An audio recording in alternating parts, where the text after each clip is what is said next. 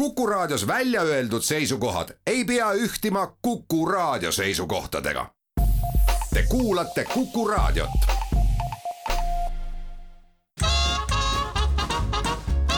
jäljed gloobusel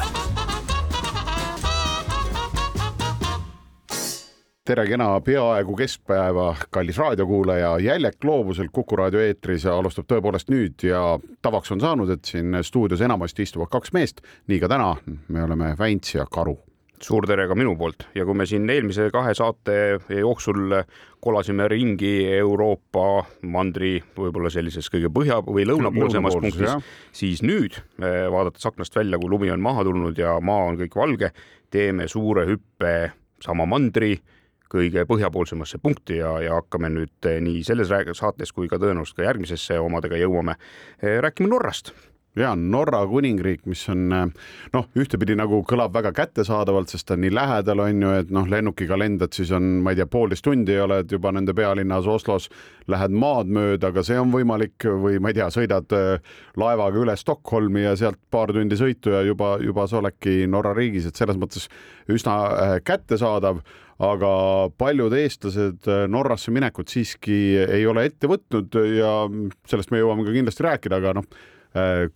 nii-öelda kuulsus käib Norra ees, nimelt on tegemist väga kalli riigiga, vot selline kuulsus on temaga alati kaasas käinud ja noh, eks seal on nii tõde kui ka natukene, natukene niisugust bluffi sealjuures veidikene ja olgem ausad, võrreldes mingite aegadega on meie majanduslik seis ka läinud oluliselt paremaks, mistõttu ka Norra ei tundu enam nii kallis riik kui aastatel näiteks üheksakümnendatel, kui mina sinna esimest korda sattusin nagu aeg on näidanud, siis need sinu maailma kondamised ongi mingil põhjusel paarkümmend aastat varem alanud kui minu omad, ei tea, kes sind niimoodi ajas tegutsema, minu käimised on ikkagi jäänud siin kaks tuhat viisteist, kaks tuhat kaheksateist ja, ja mis siin salata, selle aasta jooksul olen Norrasse sattunud kogemata isegi kaks korda. aga, aga sina käisid siis juba nii hallil ajal, et sellel ajal oli vist Norrasse veel viisat vaja? oli jah, aasta üheksakümmend neli tõepoolest Eesti Vabariik ju taasiseseisvununa oli siis alles kolmeaastane, kolm aastat oli seda rõõmu nagu olnud ja, ja loomulikult konservatiivse Skandinaavia maad tol ajal veel uut värsket saabujat nii lahkelt ei tervitanud, et kohe et teeme viisa vabaks ja tulge kõik ja see, kes vaid tahab ja see, kel pole raha, mida meil ei olnudki tol ajal onju, et seda, seda kohe ei olnud ja siis, siis oli tõepoolest viisa, viisat mul passis küll ei ole kunagi olnud, sest kuna ma olin teismelise ea lõpus aastal üheksakümmend neli, siis, siis me läksime sinna mingi, me nagunii valetasime ennast veel umbes veel rohkem kooliõpilasteks, et siis me saime mingi kooliõpilaste viisa, kuigi ma tegelikult olin juba tolleks hetkeks ülikoolis tudeerinud ühe aasta, aga sain kuidagi nõnda otsa peale, jõudsin sinna kohale, aga tõesti üks, mina ütlen, et Norra läheb nende riikide alla, ma ei tea, kuidas sul, Väints, aga me, riik, kuhu mina alati olen valmis tagasi minema. Absoluutselt ja, ja selle peegeldusena saigi eelnevalt öeldud, et sellel aastal olen sinna kaks korda sattunud, sest kui me seal suvekuudel käisime, siis me avastasime selliseid kohti, mis jäid nii palju hinge peale, et ei olnudki midagi teha, kui kuu aega kodus olla, siis auto täis käima panna Viking Line'iga sipsti hommikul üle ja, ja järgmise päeva õhtuks olimegi siis juba või järgmise päeva lõunaks olimegi siis omadega juba Lofotidel, mis on kindlasti üks selline piirkond, kuhu Norrat külastades tasub minna. aga enne kui me hakkame siin Norra mingitest numbritest ja muudest asjadest rääkima, siis tegelikult võiks korra vaadata Norrale otsa selle pilguga, et mis olid need esimesed asjad, mida sa Norra kohta üldse teadsid. noh, selge on ju see Norra lõhe on ju, mida seal, mida mm -hmm. me kõik teame ja kõik, kes vähemagi Eestis poes käivad, Norra lõhega on mingit moodi kokku puutunud, on ju siis on teada-tuntud Nordkap, mida peetakse Euraasia mandri Euroopa poole kõige põhjapoolsemaks punktiks, aga tegelikult ei ole see teps mitte nii, sest Nordkap, Vasunnik asub tegelikult hoopis saare peal. ja see on, see on täitsa, see on väga hea, et me selle kohe toome mängu ja selle müüdi nagu siin ära kummutame, tõepoolest enamus on nüüdseks juba kuulnud, sest eks seda sõna ole levitatud, aga Nordkap tõepoolest, nagu Väints ütles, esiteks asub ta saarel, nii et saar ei saa olla mandriosa kõige põhjapoolsem punkt. miks teda tihti ei peeta saareks, on väga lihtne põhjus. nimelt sealt läheb üks väga pikk tunnel läheb sinna saarele välja, nii et sa põhimõtteliselt autoga saad küll niimoodi, et sa istud, ma ei tea, Helsingis istud äh, pärast praami pealt mahasõitu, istud autorooli ja sõidad ühe hooga sinna Nordkapi välja ja jõuadki sinna kalju peale ilusasti. aga vahepeal sa oled tunnelis, mis lähebki mere alt läbi ja, ja kuigi see ei ole nagu ülipikk, on siiski ilmselgelt see maapinnast eemal kui ma ei eksi, siis oli selle pikkus äh, umbes neli kilomeetrit ja, ja see läbisõitmine on niimoodi, et sa kõigepealt kaks äh, kilomeetrit sõidad äh, mäest alla, alla ja, siis kaks kilomeetrit sõidad üles-tagasi ja oledki pupsti saare peal ja sealt jääb siis veel natukene rooli keerata, kuni siis jõuad sinna nii-öelda paljude matkajate mekasse on ju nii automatkajate, motomatkajate, noh, jumal teab, mis matkajate kõik mingil põhjusel on alati sinna Nordkapi eh, kohale tulnud ja, ja mida tasub Nordkapi puhul muidugi alati meelde jätta, on see, et seal on alati tuuline jah, eh, aga Nordkap siiski siis nüüd, et see legend lõpuni rääkida ja anda teile ka õiget informatsiooni. Nordkap on isegi võiks öelda selle põhjapoolsema punkti otsimisel nii-öelda kolmanda taseme saavutus, et kui sa oled nii-öelda autoga või tsikliga või millega iganes sõitnud sinna kohale, siis sa oled alles kolmas tase sest eh, sa endiselt oled saare peal ja sa oled Nordkapi kalju peal. Tase number kaks ehk siis veidikene kõvem on see, et Nordkapi kalju pealt, kui sa vaatad rahulikult lääne poole, siis sa näed, et üks neem tegelikult nibin-nabin vaata, et läheb kaugemale põhja poole kui Nordkap ise. Ja see on täiesti tõsi, tõepoolest läheb niisugune, ma ei tea, kas see oli äh, kilomeeter paar või isegi alla kilomeetri, aga läheb põhja poole tõepoolest lääne poole asuv neem, mis on oluliselt madalam kui Nordkapi kalju. Ja sinna viib niisugune matkarada, mida, mis on igaühele jõukohane, võiksime öelda. Ja meie siis oma matkakaaslastega ka teisel korral, kui ma ei, esimesel korral, kui ma Nordkapis käisin, siis, siis me läksime, läksime ilusasti, tatsasime selle raja läbi ja ma soovitan seda kõigile just eriti sellepärast, et kui sa soovid ikkagi aru saada, et mis see Nordkapi kalju endast kujutab, siis eh, seda tuleb vaadatagi eemalt, mitte sealt ülevalt alla, noh, niisugust tuulist on ju Põhja-Jäämerd. selle rauas gloobuse kõrvalt. just, on ju, et see on nagu teine asi, sa ei taju seda kõrgust päris hästi, aga kui sa lähed sinna kõrvalneemele, siis nagu vaated ja see, mida pildistada nagu, et kus sa saad seda Nordkapi kaljut, saad aru, et kui järsk see on ja kui kõrge ta on, et seda, seda muidu ju kätte ei saa. nii et sellepärast ma soovitan teha ka ta, tase teine ära, ehk siis lääne poolt minna matkarajalt ja sammuda need, kui ma õigesti mäletan, mingi võib-olla viis-kuus kilomeetrit oli sinna sammuda, võib-olla natuke rohkem. Jah, ja selle jaoks on tegelikult enne seda suurt Nordkapi parklat ka üks selline väiksem parkla tee ääres kus kohas siis mm -hmm. see mhm. matkarada pihta hakkab ja, ja, ja mina näiteks pean eh, siinjuures tunnistama, et olles Nordkapis käinud eh, korda kolm, eh, siis see jalgsi matk on minul ikkagi jäänud tegemata ja, ja olles nüüd siin viimase mõnede aastate jooksul leidnud endas ka selle jalgsi matkamise tuhina ja, ja need südamelöögid ülesse, siis see väike jupikene käimata jäänud jupikene on mul hinge peal ikkagi kraapimas, nii et eh, neljas kord ma nüüd ka sinna Nordkapi ikkagi pean minema ja, ja siis käima ära ka eh, sellesama äh, raja. Ja nüüd siis, et aga tase number üks, mis siis on, küsite teie, et mis on siis see kõige põhjapoolsem koht on ju üldse, kuhu saab Mandri-Euroopas minna üsna sarnane Nordkapile, aga seal siiski on väike jupikene maad ühendamas seda poolsaarekest ka päris maaga. tuleb minna lihtsalt äh, natukene Venemaa poole, ida poole Nordkapist ja, ja sealt leida üles selline linn nagu Mehamn. ja siis, kui sa oled Mehamni linna jõudnud, mis on pisikene, armas, tore Norra linnakene kus kohtab ka palju Eesti ja Läti ja Leedu numbritega sõiduautosid, sest seal rasketes kohtades raskel ajal teevad äh, kõvad mehed tööd, on ju, ja teenivad kõva raha, siis äh, sealt linnast äh, lennuvälja juurest hakkab siis matkarada, mida mina soovitan võtta niisuguse kahepäevase käimisena et kus siis minnakse otse põhja ja seal on niisugune Norkini kalju ja, ja veel niisugused, mingeid nimetusi oli veel, mis mul kohe nagu Norkin on mul ka meelde jäänud, ma küll ise seal käinud ei ole, aga, aga see on ka talletunud ja. sinna to do listi ja meie, meie käisime siis niimoodi, et me esimesel päeval liikusime nii lähedale, kui tundus loogiline, jätsime mingi viimase laskumise tõusu veel tegemata, panime telgid püsti, ööbisime öö ära ja järgmine päev siis käisime nii põhjas kui sai ja siis tulime tagasi terve tee sinna Mehamni äh, lennuvälja juurde ja kuna äh, noh, et miks ma räägin, et kahepäevane, sest äh, ma mäletan, et teisel päeval me ikkagi jõudsime tagasi pimedas, ehk siis see võtab tõesti aega ja niisugune kõva ukerdamine üle kivide seal käib. võime ka pärastpoole pikemalt rääkida sellest, aga nüüd siis me võiksime jõuda ka numbriteni, et silme ees on kõigil ju see see, see ilus Norra meil niisugune põhja-lõuna suunalisena kergelt noh, päris bumerang ta ei ole, aga niisugune mõnus kaarekene või C-täht sinna moodustub, et silme eest anda tundub päris väike, aga tegelikult on ta ikka Eestis kordades suurem ju. jah, ta on oma olemuselt noh, kui nüüd visuaalselt talle otsa vaadata, siis selline tänu nendele fjordidele selline hirmus peenike kamm on ju, ja, ja mis peenikest puudutab, siis kõige kitsamas kohas on Norra kuus koma kolm kilomeetrit eh, lai Oho. ja, ja kõige laiemas kohas nelisada kolmkümmend kaks. Ja kuna ta sealt ülevalt täitsa eh, põhja eh, nii-öelda Barentsi mere ja Norra mere ja Põhjamere juures sealt pihta hakkab ja tuleb alla otsa välja, siis puutub ta kokku otsapidi ka Venemaaga, kus on ka üks selline punkt, kuhu soovitan kindlasti nendel minna, kes Norrasse satuvad, see on Vardö nimeline saar ja, ja, ja siis on tal sõbrad veel seal eh, hääd naabrid eh, soomlased ja, ja hääd naabrid rootslased on ju. no vot ja, ja ilma nüüd saarteta on Norra põhiosa pindala kolmsada kakskümmend kolm tuhat ruutkilomeetrit umbkaudu ja, ja koos saartega siis kolmsada kaheksakümmend viis ehk siis, ehk siis võiks öelda, et niisugune seitse-kaheksa Eestit, ütleme pindala poolest. just ja, ja, ja noh, tal on meeletus koguses erinevaid saari, aga, aga nendest jõuame kohe rääkida siis, kui oleme ära kuulanud esimesed eh, teated. jäljed gloobusel jätkame saadet Jäljak gloobusel. Väntsiga räägime täna teile sellisest äh, nii lähedal asuvast riigist nagu Norra ja me jäime, eelmises lõigus jäime pidama seal, et hakkasime numbritesse panema seda riiki, seitse-kaheksa Eesti pindalalt, palju saari. Äh, mis me veel oskame öelda, rannajoon on tal ka üsna muljetavaldavalt pikk. ja tegelikult äh, tänu nendele saare rohkusele on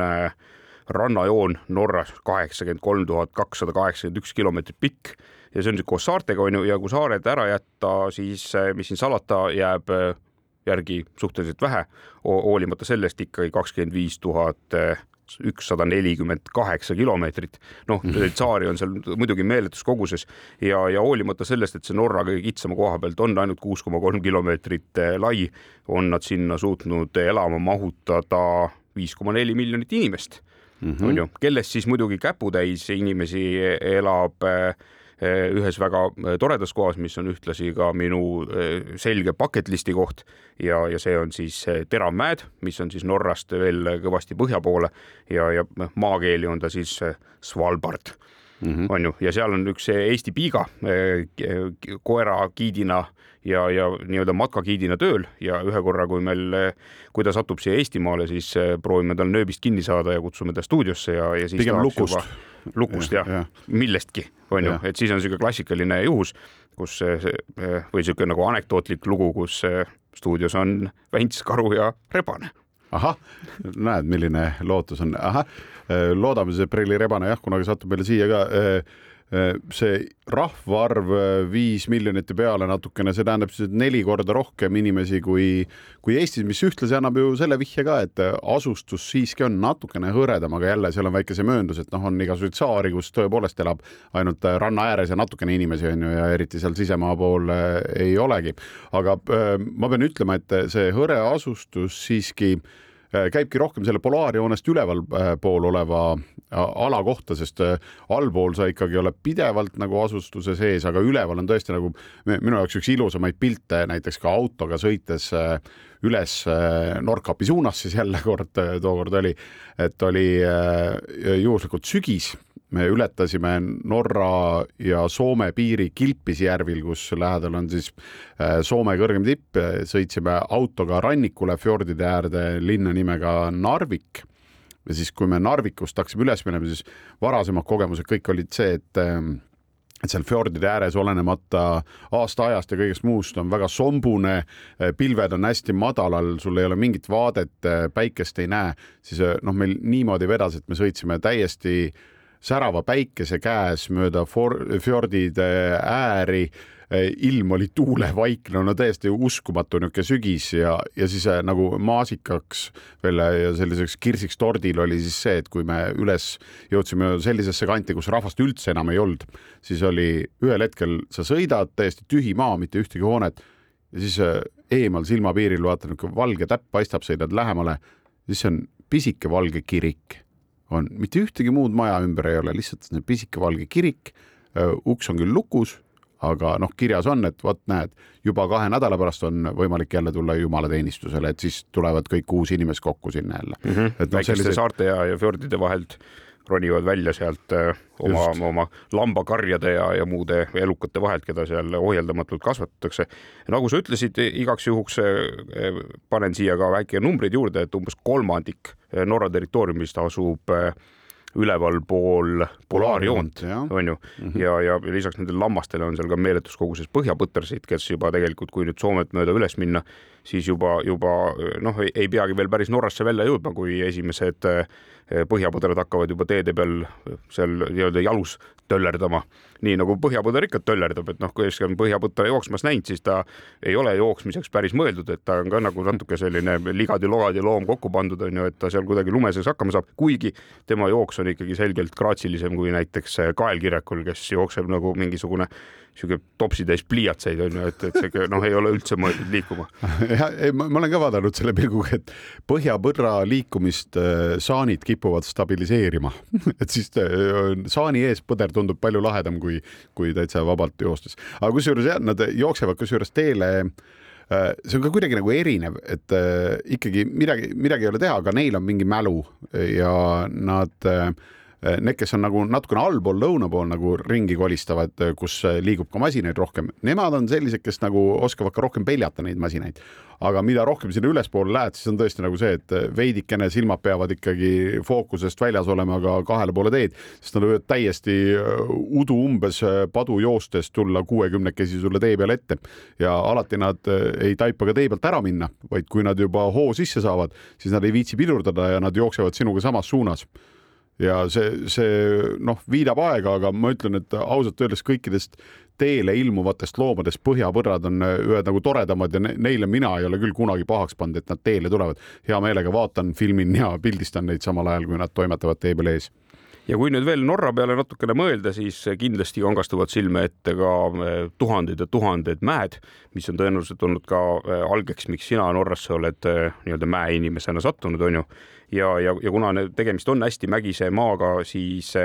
Eh, võimaldab see neil energiat toota ka kõikvõimalikest eh, vägedest alla voolava vee tõttu. Ja, ja umbes üheksakümmend üheksa protsenti elektrienergiast toodetakse hüdroelektrijaamades, mis siis tähendab seda, et tegelikult need mägedevahelised eh, piirkonnad on kõik selliste mägijõgede vallas, on ju või noh, nii-öelda mägejõgede poolt äh, üle võetud ja, ja nende äh, liikumist siis äh, kasutatakse ära energia tootmiseks. noh, mida, mida muidugi meie tingimustes on väga keeruline teha, sest meil sellist igalt poolt langevat vett on ikkagi Norraga võrreldes oluliselt vähem ja nii on, nii on. Äh, kusjuures ma pean ütlema, et äh, õnneks Norra riik on siis äh, piisavalt suur ja neid jõgesid on tõesti nagu nii palju, et noh, mingis suhtes ikkagi on see, et kui sa oled niisugune looduse inimene, siis sind igasugused inimkäelised nagu ehitised ja kõik asjad natukene nagu riivavad ikkagi silma või sa mõtled, et kas see on nüüd optimaalne, et siia selline see rajatis on tehtud ja jõe tavaline vool näiteks kinni pandud, siis Norras on ikkagi nagu neid jõgesid nii palju, et et nagu pidevalt silma ei karga niisugused hüdroelektrijaamad ja värgid, et sa sa saad täitsa rahulikult na nautida täiesti puutumatut loodust ja, ja noh,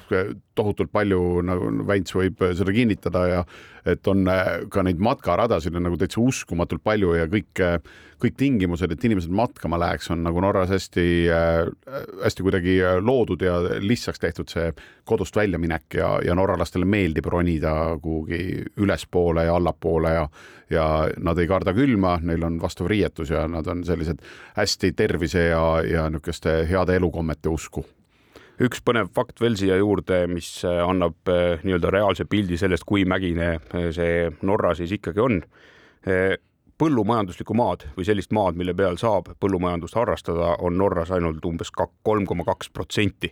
et, et ülejäänud on, on kõik selline äh, mäe peal, mille peal vili ei seisa ja, ja kartul tahab minema veereda. ei, nad isegi võib-olla seisaks, aga sul ei ole millegagi teda ära võtta sealt, sest kombain ei taha püsti püsida. just, või siis, või siis pead kogu aeg porgandeid kasvatama, sest need on nagu kiilud kogu aeg maa sees. mis ja. nüüd maad puudutab, siis minu jaoks näiteks kõige suurem üllatus Norra puhul on olnud see, et kui sa sõidad ja vaatad, et mingisugune vegetatsioon ikkagi mingi taimestik nende mägede peal kasvab, siis tegelikult on see lihtsalt mägede jalamil kasvav mäest üles minev soo või raba. nii et, et see, see kõik see taimestik on nii märg valdavas osas, et, et jala madala potasega seal käies on, on hetkega jalad märjad ja, ja mis on iseenesest ka loogiline, sest mägedest tuleb nii palju niiskust ja vett alla ja, ja, ja sellel pole kuhugi imenduda, sest sinna graniidi sisse see vesi kuidagi ei lähe ja, ja siis mm -hmm. ta mhm. jääbki sellesse madalasse samblasse, madalasse rohtu, väikesesse, väikeste puude vahele kinni. nii et, et see oli üks asi, milleks mina näiteks eh, Norras absoluutselt valmis polnud. ja seal äh kusjuures äh, veel äh, nagu äh, inimestele, kui mägedest veel rääkida, siis võib jääda selline, selline tunne, et see Skandinaavia mäestik kuidagi nagu ka kaardi pealt vaadates, kus on kõrgust ja vahed näha, siis tundub, et see Skandinaavia mäestik on nagu kõige kõrgem seal põhja pool kuidagi. aga tegelikult napilt-napilt, mitte palju, aga ma, minu arvates seal põhjapoolsed kõrgemad tipud jäävad niisuguse kahe tuhande kahesaja ja kahe tuhande kolmesaja sinnakanti, aga kõrgemad tipud üldse ei ole tegelikult Oslost kaugel, ehk siis on Norra mõttes vägagi äh, lõuna pool ja seal on äh, üks selline tore, tore maakond nagu Oplandi maakond ja täpsemalt siis Lommi vald veel. Lomm on niisugune suurem äh, linn, mida sealkandis teatakse, et kui sõita juba Lommi ja sealt küsida, et kus on selline matkakeskus nagu Spieterstuulen siis sind juhatatakse ilusasti ka väiksele teele, mis viib sind sinna matkakeskusesse. Ja sealt juurest on siis äh, võimalik, seal on võimalik telkida või ka majas ööbida ja siis sealt on võimalik sul siis äh, tõusta näiteks riigi kahte kõrgemasse tippu, endisesse kõrgemasse tipp, äh, kõrgemasse tippu, mille nimi on Glittertind ja praegusesse kõrgemasse tippu, mille nimi on Kaldhoppigen ja miks siis ma räägin endisest ja praegusest kõrgemast tipust, väga lihtne, globaalne soojenemine. Juba aastaks üheksakümmend neli, kui ma sinna sattusin, oli see, et kogu aeg varem oli klittertind olnud kõrgem, äh, sest tal on jäämüts peas, igijää, aga globaalne soojenemine oli siis teinud selle, et klittertind oma kõrgusest umbes kümme meetrit oli juba tulleks hetkeks kaotanud ja seetõttu jäi kaldhoppigenile juba nelja meetriga alla, ehk siis kõrgused vastavalt kaldhoppigenil kaks tuhat nelisada kuuskümmend üheksa meetrit ja kuna seal üleval on kivid, siis see madalamaks ei jää ja Glitterindil kaks tuhat nelisada kuuskümmend viis meetrit. aga mõne aja pärast me saame siis äh, vaadatagi nendele mägedele natukene täpsemalt otsa, sest äh, nagu ikka, on meil hea võimalus teha nüüd teie jaoks ka ja enda jaoks väikene paus. jäljed gloobusel Väits ja Karu on äh, taas kord äh, stuudios ja sel korral teeme jälgi äh, Norrasse. ja, ja kui me siin saate sissejuhatuse osas rääkisime seda, et üheksakümne neljandal aastal väike karu peale Munamäe vallutamist võttis suuna siis Norra mägede poole, siis ma tegelikult tahaks siin alguses ja, ja maailma nii-öelda tõe huvides küsida, et kuidasmoodi see noore karu mäe vallutamine üldse välja tuli, milline oli see varustus, noh, kujutan ette, et hakkasid minema, ema tegi ukse peal pai, andis villased sokid ja ütles, et ära siis libastu, onju. et, et, et milline see varustus oli toona üldse, kui, kui mäe otsa minema hakati ja, ja millised on olnud arengud tänase päevani? kusjuures mul see minek oli veidi, veidi niisugune ootamatu mulle endalegi, et see ei olnud mingi pikalt ette planeeritud reis. ma olin siis jah, teatrikooli noh, esimese kursuse just lõpetanud Viljandis ja ilusasti sõpradega olime siis otsustanud, et äh, nüüd me lähme äh, jalgrattamatkale. Ja sõitsime siis äh, mõnusasti mööda Eestimaa erinevaid teid ja ja tundsime ennast pagan hästi. Ja siis ma ei tea, kuidagi ma helistasin mingil hetkel, noh, siis ei olnud ju mobiile on ju, aastal üheksakümmend neli, siis oli ma helistasin mingil hetkel koju ja siis ema ütles, et kuule, et sinu vanem koolivend siit Saaremaa Ühisgümnaasiumist on ju, et Agur Jõgi on ju, et tema helistas ja ütles, et kui on võimalik, helista tagasi, et juhuslikult täna hommikul helistasid mingi matkateema tal ja siis äh, andis mulle selle numbri, nagu vanal ajal oli, kirjutasin selle pastakaga märkmiku, pastakaga märkmikusse ja helistasin Agurile ja Agur ütles, et kuule, sihuke värk on nüüd, et jah, et me läheme Norrasse noh, umbes kolme päeva pärast või midagi sellist. ja, ja et üks koht on vaba, et kui sa tahad tulla, tule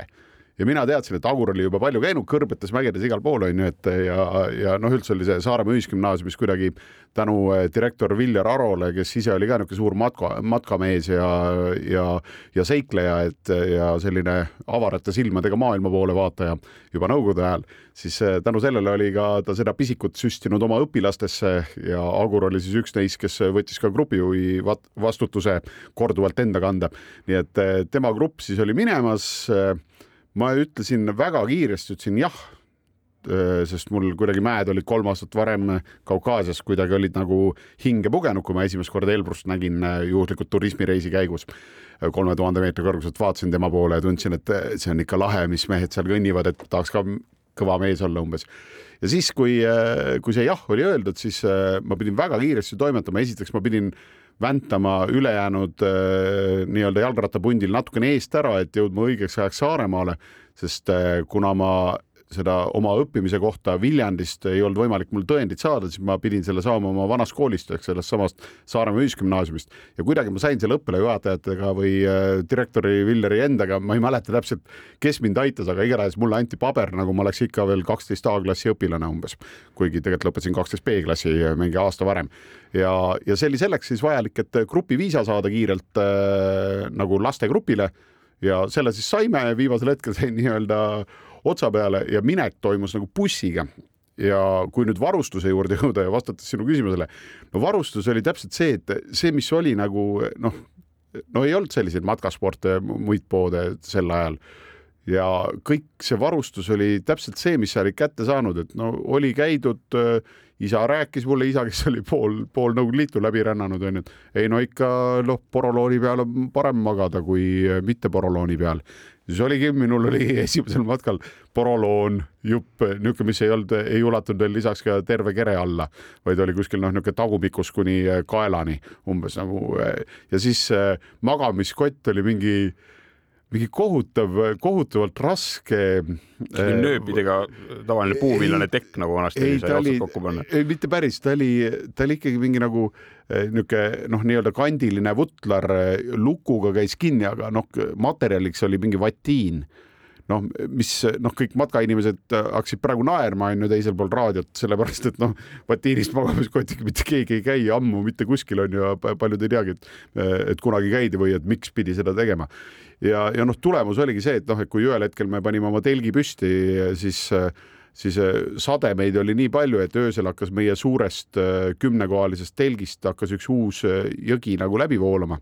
ja siis äh, selle teele jäi loomulikult minu ablas äh, poroloon, kes imes kõik vee enda sisse, mis vähegi suutis ja siis jagas seda loomulikult hästi lahkelt äh, selle vatiinist magamiskotiga. nii et noh, kuivatasin, mis ma kuivatasin, aga no terve selle matka ma olin põhimõtteliselt, ma magasin ainult märjas. aga noh, seal olid jälle mingid omad niisugused toredad asjad, et noh, öösel lihtsalt tõusid ülesse, kui jälle loik oli tekkinud külje alla, siis peoga viskasid selle suurema vee nagu ukse suunas enam-vähem ära ja, ja noh, kuhugi minna ei tahtnud, sest olgem ausad, kõrval olev tütarlaps eh, lubas hoida kätt enda ümber magamise ajal, et noh, siis eh, mingit põhjust ei olnud sealt loigust ära minna nii-öelda ja mujal olid teised inimesed ees. ja, ja kui eh, varustuse koha pealt nagu edasi minna, siis noh, magamiskott jah seal noh, saapad, saapad, ma arvutasin isegi välja, et äh, põhimõtteliselt saapad maksid kuusteist eurot, matkasaapad, mis ma ostsin. Ja hästi tegelikult head saapad, äh, lihtsalt matkata hästi halb oli nendega, jalale ei olnud head ja ei pidanud vett ja, ja lagunesid kiirelt, aga muidu väga tublid saapad on ju ja, ja üldse mitte kallid parem ikka kui Põhjala kummik oli või see? kusjuures ma ei tea, mingid no niisugused tänapäeval käiakse ju kummikuga päris paljudel matkadel onju, et noh, see ongi nagu see, et kui ikka väga märjad olud on nagu näiteks tegelikult ka kuskil seal Põhja-Soomes, Põhja-Norras ja seal igal pool on, et kui vihma sajab, siis maa voolab onju või Iirimaal või kus iganes onju, et siis seal ongi targem nagu käia kummikuga, aga noh, siis natukene on ka spetsiaalsemad nagu matkakummikud nüüdseks ajaks tekkinud. aga tol ajal siis ka mingid riided, kõik olid kas noh, ei no peale puuvilla ikka midagi ei olnud ju ükski asi ei hinganud, noh, present, jope, noh, see, see ükski asi ei hinganud ja ei, ei olnud äh, täiesti veekindel, nii et noh, kui sadas, siis olid märg kui ei sadanud, siis olid märg, sest noh, kogu aeg higistasid, onju. ja, ja seljakott oli ka muidugi legendaarne Jermak, on ju, Nõukogude alumiiniumraamiga, mis ei ole paha kott, isegi käisin ühe Eesti matkateedest, RMK matkateedest käisin selle Oandu Ikla käisin nõnda, et iga kord oli see Jermak mul kaasas. käisin rõõmsalt koos sõber Mikk Saarega käisime selle kahekesi läbi, et siis see, see see täitsa ajas asja ära niisugusel lihtsamal matkal, aga mõned, ma mäletan, meil oli tohutult suur grupp veel, me läksime bussiga nõnda, et noh, bussis siis järelikult oli kokku umbes nelikümmend viis inimest. sõitsime laevaga Soome, Turust sõitsime Stockholmi laevaga ja siis Stockholmis panime siis otse Norra poole onju ja, ja siis jagunes see bussireis rahvast mingiks kas neljaks või viieks grupiks. Ja meie grupp oli tohutult suur, nagu mingi seitseteist inimest, mis on nagu mägedes liikumiseks noh, totaalselt halb variant, sest alati on kellelgi midagi viga ja see liikumistempo on kohutavalt halb onju, et noh, mägedes kiireks liikumiseks on hea ikka selline noh, kolm kuni äh, kaheksa inimest, ütleme, see on niisugune optimaalne. aga noh, tol, tol hetkel niimoodi olime seal seitsmeteistkümnekesi on ju, mis siis teha ja, ja selle seitsmeteistkümne hulgas ma mäletan, et äh, kui enamikel olid Jermakid, ühel oli juba uus kott või kahel ja siis, aga paaril olid ikkagi täiesti need paunad, need vana, vanakooli kotid, mis on lihtsalt niisugune suur muna on sul seljas, mis surub nagu selgroole jube ebamugavalt, laseb kogu vee läbi ja noh, jälle tehtud mingist presendist ja, ja autoriks ema või vanaema umbes on ju, kes on selle oma parima äranägemise järgi kokku pannud ja see parim äranägemine ei ole alati väga mugav on ju, vot noh, umbes selline varustus oli, aga sa saad hakkama, sellepärast et noh, me olime harjunud, et noh, nagu Nõukogude aja lapsed ikka on ju, et ei milleski tehti kogu aeg midagi ja saadi hakkama. ma küsin korra siia vahele selle Jermaki kohta, ega see ei olnud selline seljakott, kus oli mingi raam sees on ju? oli, oli, mitte, et ta ei ole niisugune pehme asi, mis on nagu umbes tassid sellist teadvusetut sõpra, kes on nööriga sinu külge seotud, et mäest üles. ei, ta oli õnneks jah, niisugune ikkagi, et ta oli noh, nõukaaja varustuse suhtes oli ikkagi nagu esmaklassiline. Et see raam oli küll niisugune jäik ja üsna niisugune ristküllik sinu seljas, onju, aga ikkagi ta ei olnud üldse nii ebamugav ja, ja lihtsalt sinna ei mahtunud nagu liiga palju asju, see kuidagi ta oli, noh, ta, ta ei olnud väga praktiline, et see, ta tuli kohutavalt suureks nagu ja väljapoole igasuguseid asju juurde panna, selleks, et ta mahutaks nagu korraliku matka kõik asjad ära. et seda ta tõesti ei pakkunud. ma ei ole selle Jarmakiga ise kokku puutunud, aga mul tuli kohe silme ette, kuidas Raivo Plumer kunagi rääkis oma esimestest nendest kõrge, kõrgmägede kottidest äh, oli tal kuskil näidisena kaasas, seal ei olnud küll ühtegi tuge sees, see oligi selline lihtsalt nagu äh, enam-vähem langevarju riidest kokku õmmetud selline pehme asi, millega no siis vanal heal ajal mingit neljakümne kiloseid nii-öelda matkavarustust kuskile kõrgmägedesse ja, kohale veeti, et, et, et see minu jaoks oli selline äh, tore noh, nii-öelda nagu mälupilt, mis mulle esimesena silme ette kangastus, küll aga olen ma selle Vatiin magamiskotiga ka oma nooruses palju kokku puutunud, et et me käisime õega eh, siin isaga iga aasta sellistel Baltikumi autotuuridel, kus siis eh, elasime laagrielu ja, ja jõime kraavist vett ja, ja, ja sussutasime lõkkel mingisuguseid asju ja magasime selles presendis tekis, mida, telgis, mida vihmaga katsuda ei tohtinud, siis hakkas sealt kohe vesi läbi tulema. huvitav küll, kus su eh, automatkamise juured pärit on, ei tea küll. ei tea jah, ei ole välja mõelnud ja, ja siis meil olid kõigil täpselt samasugused, aga minu arust oli see, et nad olid mingid elurasked, et siuke mm -hmm. meeletu kaal oli selle vatiin tekil ja, ja, ja, ja teine asi oligi, mis mul ka silme ette kohe tuli, oli see niisugune nagu tavaline tekk, aga niisugune nööpidega käis kokku, nii et said nagu nööpidest endale taco Eh, ümber teha, noh õnneks need ajad on nüüd küll mööda läinud, et, et ma küll ei kujutaks ette, et ma täna selle hiigelsuure eh, nii-öelda magamiskotiga kuhugi minema hakkaks. jah, ta ei mahtunud kuhugi ära ja lisaks see, et kui ta märjaks sai, siis tõesti, et ta kuivamine võttis nii palju aega, et sul kunagi ei ole nii palju valget aega, et see seal mägedes kuskil ära kuivatada. ja see omakorda ju tähendab seda, et see kott on sul aina raskem ja raskem, nii et see oli nagu niisugune loll niisugune halbade asjade ahel, mis nagu sellest tekkis, kui see kott ükskord nagu märjaks sai, et, et see oli tõesti kohutav, aga jah, eh, noh lisaks noh, kui sa Raivot mainisid nagu, et noh, ma ei tea, mis mehed need on üldse, et noh, tänapäeval selliseid enam ei toodeta ka nagu Raivod ja Jaan Künapid ja kõik teised, kes on nagu olnud, et noh, see on Äh, see palju ne nemad tassisid ja mis see oli, mis nad tassisid, see oli täiesti uskumatu, sest noh, veeti ju kaasa ka kõik no, talvekartulid olid ka. no just nimelt, et ke kellegi kott oli kartuleid täis ja noh, ja siis oli kellegi kotis oli nagu mingi kanister, mis alati lekkis. nagu see, et kui sa nagu petrooleumit pidid tassima, siis oli teada, et noh, terve noh, alguses ainult sina, siis varsti terve sinu telkkond ja varsti juba kõik teised inimesed ka haisevad selle petrooleumi lähedale. reisi lõpuni suitsu ei tohi teha. ja, ja lisaks oli ju see, et sul oli see kanister, aga seda oleks ka, see oli nii kallis vara, et seda ei tohtinud ka nagu maha jätta. et siis oli nagu julm oli nagu see, et sa sellesama kanistri, et see läks küll tühjemaks ja su kott läks kergemaks, aga kotist nagu ruumi juurde ei tekkinud, sellepärast et seda kanistrit sa pidid ikka kaasas vedama, sest see oli kellegi onu Heino käest saadud, onju, kellel tuli see tagasi viia ja veel poolik ka sinna lisaks panna, nii et noh, kohutavad ajad. Ja umbes sellisena me aastal üheksakümmend neli siis läksime ise ka Norrasse, aga noh, tipust räägin siis pärast väikest pausi juba teile täpsemalt jäljed gloobusel. rääkisime küll minu äh, nii-öelda Norra kõrgemasse tippu äh, jõudmise teekonna algusest, tippu me veel ei jõudnud, aga ma, ma küsiks vahele ka, et äh, sa küll, Väints, esimest korda sattusid Norrasse aastakümneid hiljem, aga mis esimene mälestus sinult Norra, sinul Norrast on? ja kaks tuhat viisteist oli siis aasta ja, ja see hakkas kuidagi nii pihta, et ühel hetkel tundus, et äh, pole justkui nagu midagi teha. ja siis mõtlesin kähku välja sellise mõtestatud tegevuse, et äh, kuna sõita tahaks ja Norras tahaks käia ja Nordkapis tahaks ära käia, nii nagu iga matkaja ikka tahab käia, siis äh, rääkisin tuttavatele Peugeot's juttu ära, et nüüd on see aeg, kui tuleb sõita Nordkapilt Tarifale ehk siis sealt nii-öelda Euraasia mandri kõige põhjapoolsemast punktist kuni siis kõige lõunapoolsemasse punkti sinna Gibraltari kõrvale tuleks sõita ökonoomsus rekordautoga ja vaadata, mis see tulemus tuleb. ja, ja need olid lahkelt nõus ja nii oligi, istusime sõbraga autosse, panime varahommikul auto käima Viking Line'i seitsmese laevaga üle Soome, sealt kohe ühe jutiga Nordkapi ja öösel pool kaks olime Nordkapis ja oli mingisugune, kui ma ei eksi, äkki veebruarikuu, mitte veebruar, vaid õigemini septembrikuu, meeletu tuul nagu Nordkapis ikka, ööbisime autos ära hommikul proovisime Priimuse peal süüa teha, aga, aga pidi otsima väga spetsiaalse koha ratta taga, et see meeletu tuul Nordkapis siis Priimust ära ei kustutanud.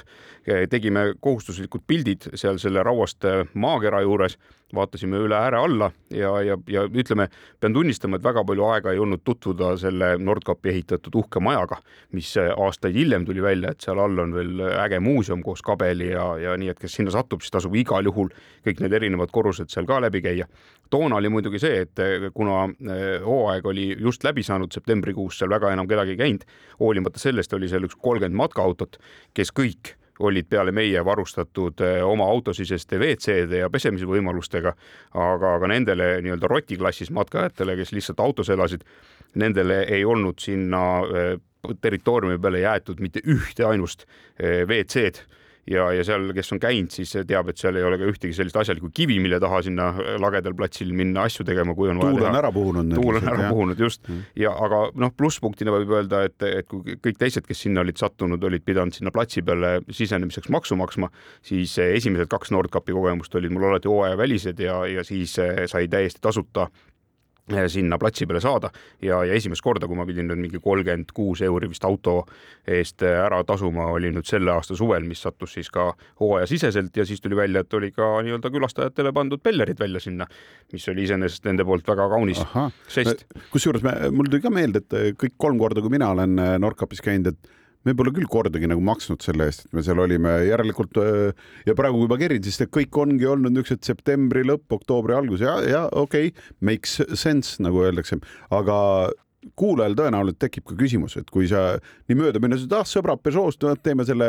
on ju, et kui madala kütusekuluga on võimalik sõita põhjast lõunasse, et eh, mida see siis tähendab, et noh, inimestel kohe tekib, et kas sa ise pidid ka nagu midagi maksma või siis ongi nagu sponsorid nagu toetavad sellist eh, reisi või kuidas üldse, noh, inimestel tekib kohe, kuidas see Väints nõnda nihverdab, et ta saab nagu nõnda mõnusalt reisida ja lihtsalt läheb mingi ideega, et kas sa pidid ka ise panustama või sa said suht hakkama sponsorite toel? no olles toona ikkagi aktiivselt tegev autoajakirjanduse vallas, siis, siis oli noh, selles mõttes nagu lihtsam kui, kui lihtsalt Kusti tänavalt eh, pesu ukse peale kloppides on ju ja, ja kuna noh, kõik teavad, et ma sihuke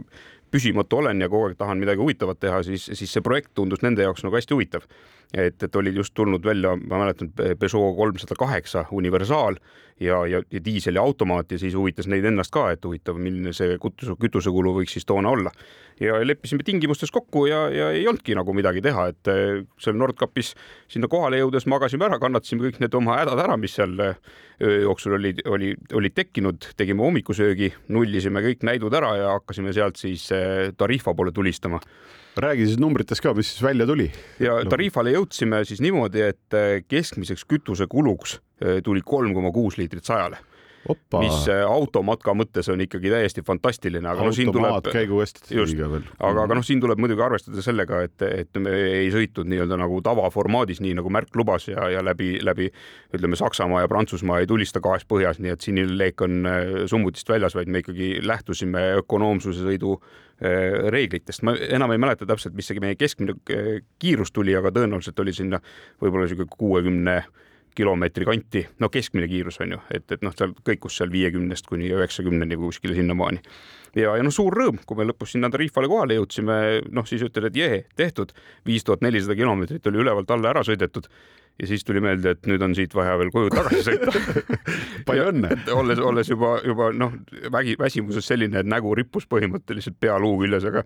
aga, aga magasime seal äh, ühes kämpingus öö ära ilusasti ja järgmine päev hakkasime rõõmsalt tagasi sõitma, kuna mina olen pigem nagu sihuke maratonisõitja, et mulle meeldib hästi pikka distantsi sõita ja, ja mulle meeldib öösiti sõita, siis, siis teine sõber Rando oli see, kellele meeldis kiiresti sõita ja kui me siis lõpus jõudsime Saksamaa pinna peale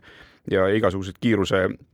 märgid kadusid, siis andsin lahkelt rooli üle ja ütlesin, mina istun nüüd järgmine kord Poolas äh, või siis kuskil eemal rooli tagasi, nii et küta nii palju, kui torust tuleb ja, ja, ja siis ta küttis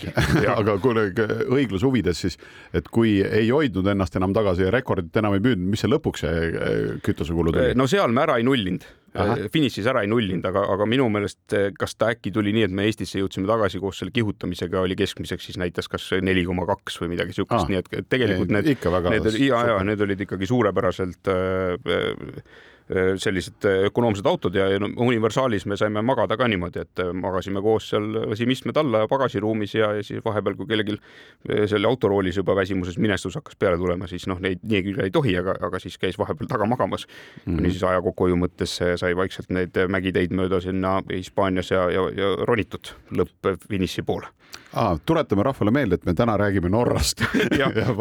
meil endalgi kipub vahepeal reisijutte rääkides kipub ju meelest ära minema, sest väga paljud reisid on äh, just nimelt olnud sellised, kus me ei ole nagu ühes riigis, vaid läbime mitmeid riike ja, ja seetõttu on nad omavahel kuidagi seotud ja neid lugusid tuleb kogu aeg meelde. Äh, aga nüüd ja nii tuligi meelde, et sina tegelikult olid äh, teel sinna mäe otsa ja, ja varustuse poole me rääkisime juba ära, toime siin erinevaid näiteid, aga, aga milline on tipp ise ja, ja kui kõrge see üldse on? no kaks tuhat nelisada kuuskümmend üheksa meetrit on siis äh, Norra kõrgem tipp Kaldhoppigen, nagu enne öeldud sai, nüüd äh, juba viimased mitukümmend aastat siis kõrgem. ja seal, seal tipus, tipp on äh, äge selles mõttes, et seal on kohvik ja ja tegelikult sinna üles tatsab iga normaalses vormis inimene ära, et ma soovitan Norra mägesid algajatele tegelikult, ta on ja isegi sedasama, seda, jätke see koht meelde, Spiiterstuulen, kust nagu need rajad algavad, sest need, need on tõesti, see on kihvt koht. seal, seal on kõik tingimused jälle loodud, ole valmis selleks, et eh, kui telgi püsti paned, siis mingil hetkel tuleb džiip ja astub ligi vend, kes ütleb, et tervist, ma olen siin kohaliku kämpingu eh, matkakoguja, ehk siis kõik siledad pinna, eh, maksukoguja, et kõik siledad pinnad on siis nagu kämpinguala tegelikult. Ja meile tuli ka siis, me küll saime mingi kokkuleppe, kuna me olime idaeurooplased ja et meid nagu ütlesin enne oli seitseteist, aga me saime kokkuleppe, et nad panid kirja, kaheksa eestlast nagu magab ja siis öösel tuleb mingi džiip ja paneb prožektori peale ja nad võtavad asja väga tõsiselt, sest üks päev, kui seal helikopter ringi lendas, siis pärast saime teada, et ühed poolakad, kelle juurde ka see maksukoguja läks, olid pannud oma telgid püsti ja siis, kui tuli maksukoguja, siis